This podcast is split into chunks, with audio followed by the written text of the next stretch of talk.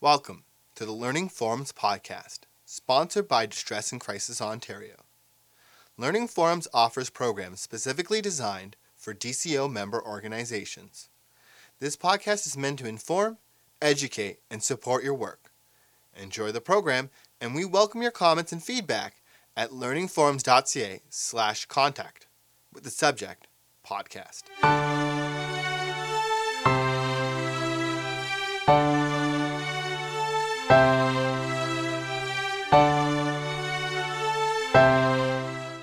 My name is Darlene Ritchie. I'm here today to talk to you about um, your crisis line. The very first thing that I would um, be teaching my staff is to find out, first of all, are you safe and where are you? Do we need to send the police? Do we need to send the ambulance? Can we send a taxi or do you need us to come and get you? When uh, we finally do get women come through the door, then we ask the questions around what's the situation. Um, because for us, it's, it's critical. In Canada today, there are over 1,500 missing and murdered Aboriginal women, which is quite a, a concern for us and is quite a, an alarming statistic, knowing um, that Indigenous people in this country are 4% of the Canadian population. Yet the numbers of our women tracked through those victims of violence are high. But then Aboriginal people are overrepresented almost in every high risk category from criminal justice down to, to health, down to education. I seriously get concerned when I hear the statistics for education in our communities. When I was a student in the 60s and the 70s, I graduated high school in 1976. The dropout rate was 68%. Here we are in 2014, and to my astonishment, the dropout rate has improved to 63%, which is not much of an improvement. So, still, there are those issues. Aboriginal and women and girls are overrepresented in those numbers of victims. They're overrepresented in those numbers of women who are trafficked. And that's hugely as a result of the history of this country and the image that's out there around Aboriginal people and where does that come from. So then I guess you really do need to talk about history. And I, I've been asked to come here and talk to you about, to make you aware of our culture and to make you aware of the issues in our community. And I, I do need to go way back in time for just a little piece so that you understand how this impacts us here in 2014. 1763, King George walked amongst this uh, North America and he said to the first indigenous people, Be my ally. Help me defeat the Germans, help me defeat the Dutch, help me defeat the Americans and the French and I'll protect your land forever. So Tecumseh and Pontiac and Joseph Brant, Sitting Bull, they all got together and they said, hey, this, this is a pretty good deal. It's going to protect our land forever. Let's do it. And that agreement is recorded in history as a 1763 Royal Proclamation. And it's the reason why when we go to the Supreme Court of Canada over our land, we always win because of that 1763 Royal Proclamation.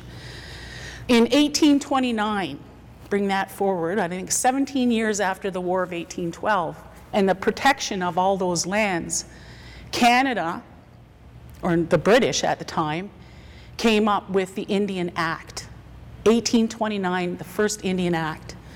And that first Indian Act, what it does is it says an Indian's land is protected.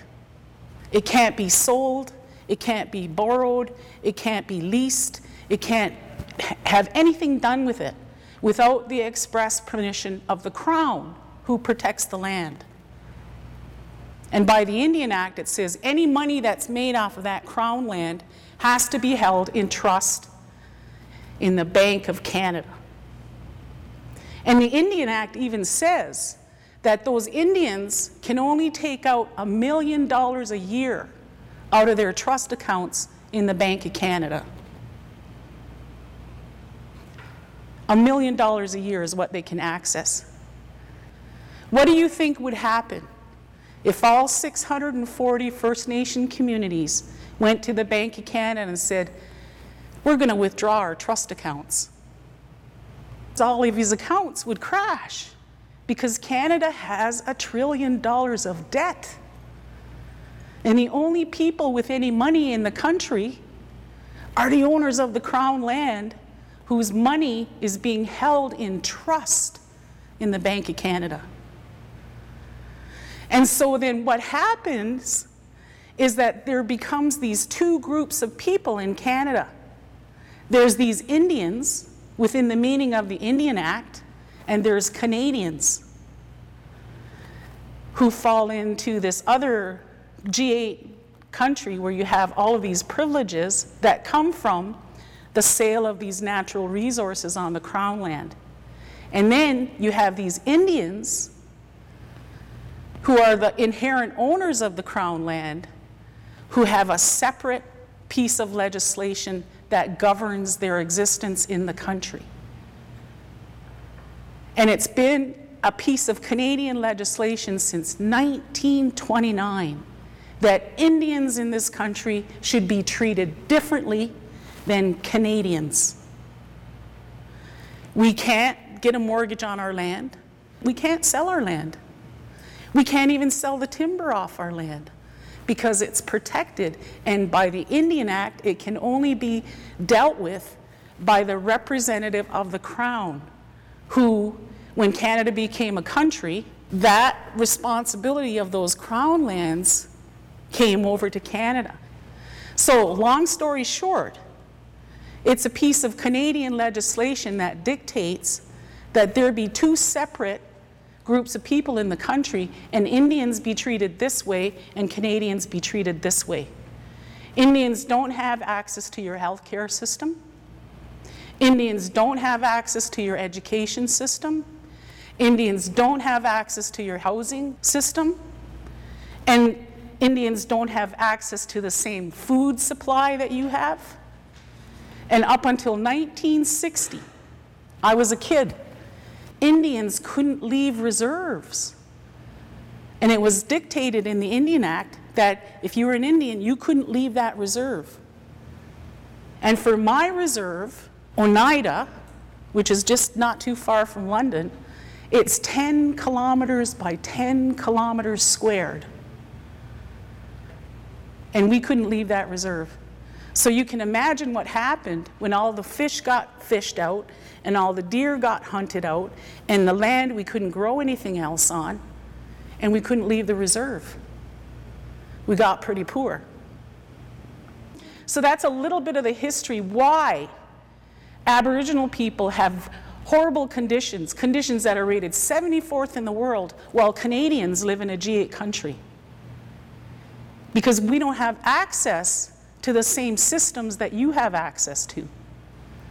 So bring that forward 2014. What does that look like? When those reserves that were created in the 1800s and early 1900s, when, the reserve, when those, Oneida as an example, had 250 people when it was established 250 years ago. And now it has 5,000 people. Yet it's still 10 kilometers by 10 kilometers squared. The result of that is over half of the people that should be living on those reserves have had to move off reserve because there's not enough land. There's not enough housing. There's no education. There's no health care system.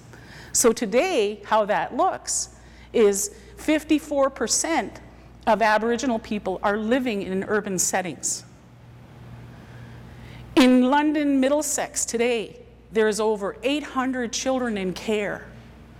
Over 400 of those children are Aboriginal children. A result of that, that lack of service, lack of housing, lack of support, that abject poverty that's real in those communities. The result of that is a lot of children paying the price and not being able to get their needs met, and as a result, being apprehended by the Children's Aid Society. And we know that those girls and boys that are in care are, are isolated from their communities. And when they turn a certain age, 16, 17, 18, the Children's Aid Society then starts to uh, transition them into the community. They get transitioned into these urban settings without any support other than that child welfare system that really doesn't have a mandate to take care of them beyond maybe 21, 22. And so then those people are left out there in those urban settings with very little support, oftentimes without a high school education uh, oftentimes without the social support that they need from family, aunties, uncles, grandmas, and grandpas, because they're coming from that huge number of children that are apprehended in the child wealth, welfare system as a result of all of that poverty and the lack of housing and the lack of health care. In 1929, they created the Indian Act. In 1857, they came up with the Gradual Civilization Act to assimilate Indians. And as Indian people, were really, really concerned about this, and our leaders went back at the government with what was called the White Paper and basically said, We don't want to become white people. We're, we're born Haudenosaunee, we're born Anishinaabe, we're born Lenni Lenape. That's who we are, that's who we want to be. We don't want to be assimilated. And that was the beginning of the National Indian Brotherhood movement. But that Gradual Civilization Act meant that we had to be educated. You know, beyond those residential schools that were in existence since 1829 when the Indian Act was created, 1857 really nailed our coffin shut when it said it's the law, you got to educate your kids. And at that time, the only source of education was the federal system of residential schools, which uh, we've heard the horror stories that come out of that residential school stuff. 1979, there were 12 residential schools in Canada, and uh, in 1980 is when the students start to disclose the horrible abuses that they were suffering at those schools. And as those students started to talk, more and more of the generations of people that had gone to those residential schools started to disclose of their traumas that they had, their horrific abuses that they suffered at those residential schools. And as a result, the mental health, the post traumatic stress um, symptoms that they were dealing with. And so that in 1980, um, those schools started to be shut down. The last school was shut down in, in 1996 and I think it was in Saskatchewan. In 2000, they started class action suits to sue the government for sending all of their people to these schools where they were tortured, and they won that suit. And of course, since then, there's been this big settlement of the residential school students. So I think at the time um, of this settlement, there were 87,000 residential school survivors in Canada. And this settlement has come through. Many of them have been paid. Now, I got to tell you, that was like throwing um, gas on a fire because you had a lot of residential school um, survivors who hadn't dealt with their traumas but were triggered now because they were thinking about these scenarios and they were having to write them down so that they could claim this money. So they were having to write out affidavits about the abuses that they suffered, and those triggers resulted in them acting out many unhealthy behaviors that came from those residential schools and the horrific stories that are a result of that. I can tell a story of uh, one of the survivors that I know of in Toronto that I spoke with. She got her settlement, she bought herself all new furniture. She bought leather couches and she bought herself a TV and she bought herself nice stuff. And one night she was triggered. And in that trigger, she was remembering the abuses this is what I got from that. This is worth all of that pain and suffering. And she wiped out everything that she got. She smashed the TV, she ripped up the couches, she just totaled everything as a result of, of her trauma and her triggers and being paid off for those abuses rather than being offered an opportunity to heal. So when I was hearing her story, it was after her calling a crisis line and then making a referral to us to come and get some support around the trauma that she was experiencing being triggered by having to fill out these numerous affidavits so that she could claim this money. Uh, many of those individuals who went to those schools from 1829 to 1996, many of those individuals who were in those schools married each other because they, they, were, they were there. My mother in law was at Spanish residential school from the time she was five until she was 18. And at, at, at 18, she told me of the fear that she had, but she didn't even know the community she was returning to. She didn't speak Anishinaabe, she was speaking English, and they were going to return her to the Saugeen community where they were Anishinaabe speaking people, and she couldn't speak the language. So, what happened in many cases is they came out of those schools and they married each other. And then they had children. And coming from that past of trauma and abuse and mistreatment, and thinking, you know, that it's not going to have an impact when they're young and they're parenting and they're trying to start their own families, a lot of those abuses came forward. And in the 1960s, you hear about this whole phenomenon called the 60s scoop, where many of those children that were a result of those residential school graduates coming out of residential school and marrying each other than having children, a lot of those children, um, the Children's Aid Society scooped.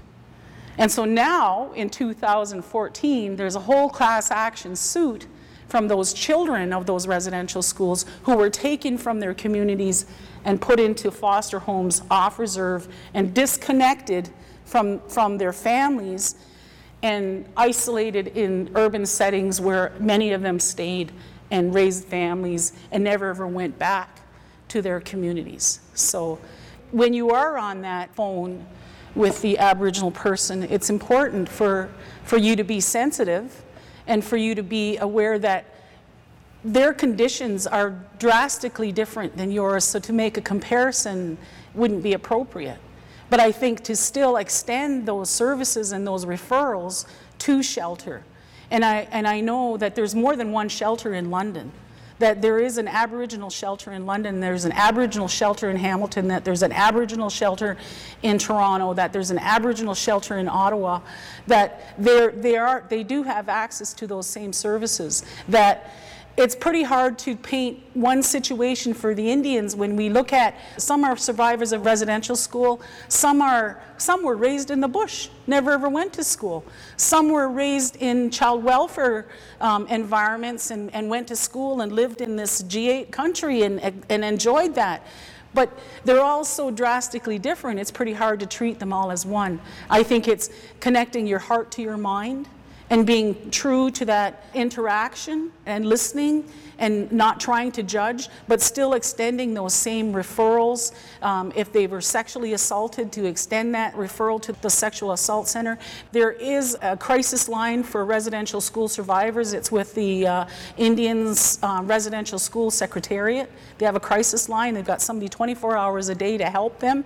But I think it's important to extend those same referrals that you would extend to anyone else. There's 128 First Nation communities in Ontario, and it's important for distress center workers to know where those are. The Chiefs of Ontario distribute a map, and if you go to the Chiefs of Ontario website, you can see where those communities are located. In each of those areas, there are um, services that are accessible by those First Nation communities. In the north, I think that's a little bit harder to say uh, because there, there are so few resources up there, but there is a crisis line for victims of violence in the north now. So in each of those communities, there are support services, and I think it's important to realize the, the, the, the resources that are there. And I think for distress workers or uh, that, uh, that want more information, you could go to the Ontario Federation of Indigenous Friendship Center sites, and they have a wealth of resource there to talk about the conditions and the issues that First Nations people are dealing with in, in urban settings. Thank you so much for your attention and for your patience, for, your, for doing the work that you do. And uh, I wish you well and, and uh, look forward to um, getting the referrals from you.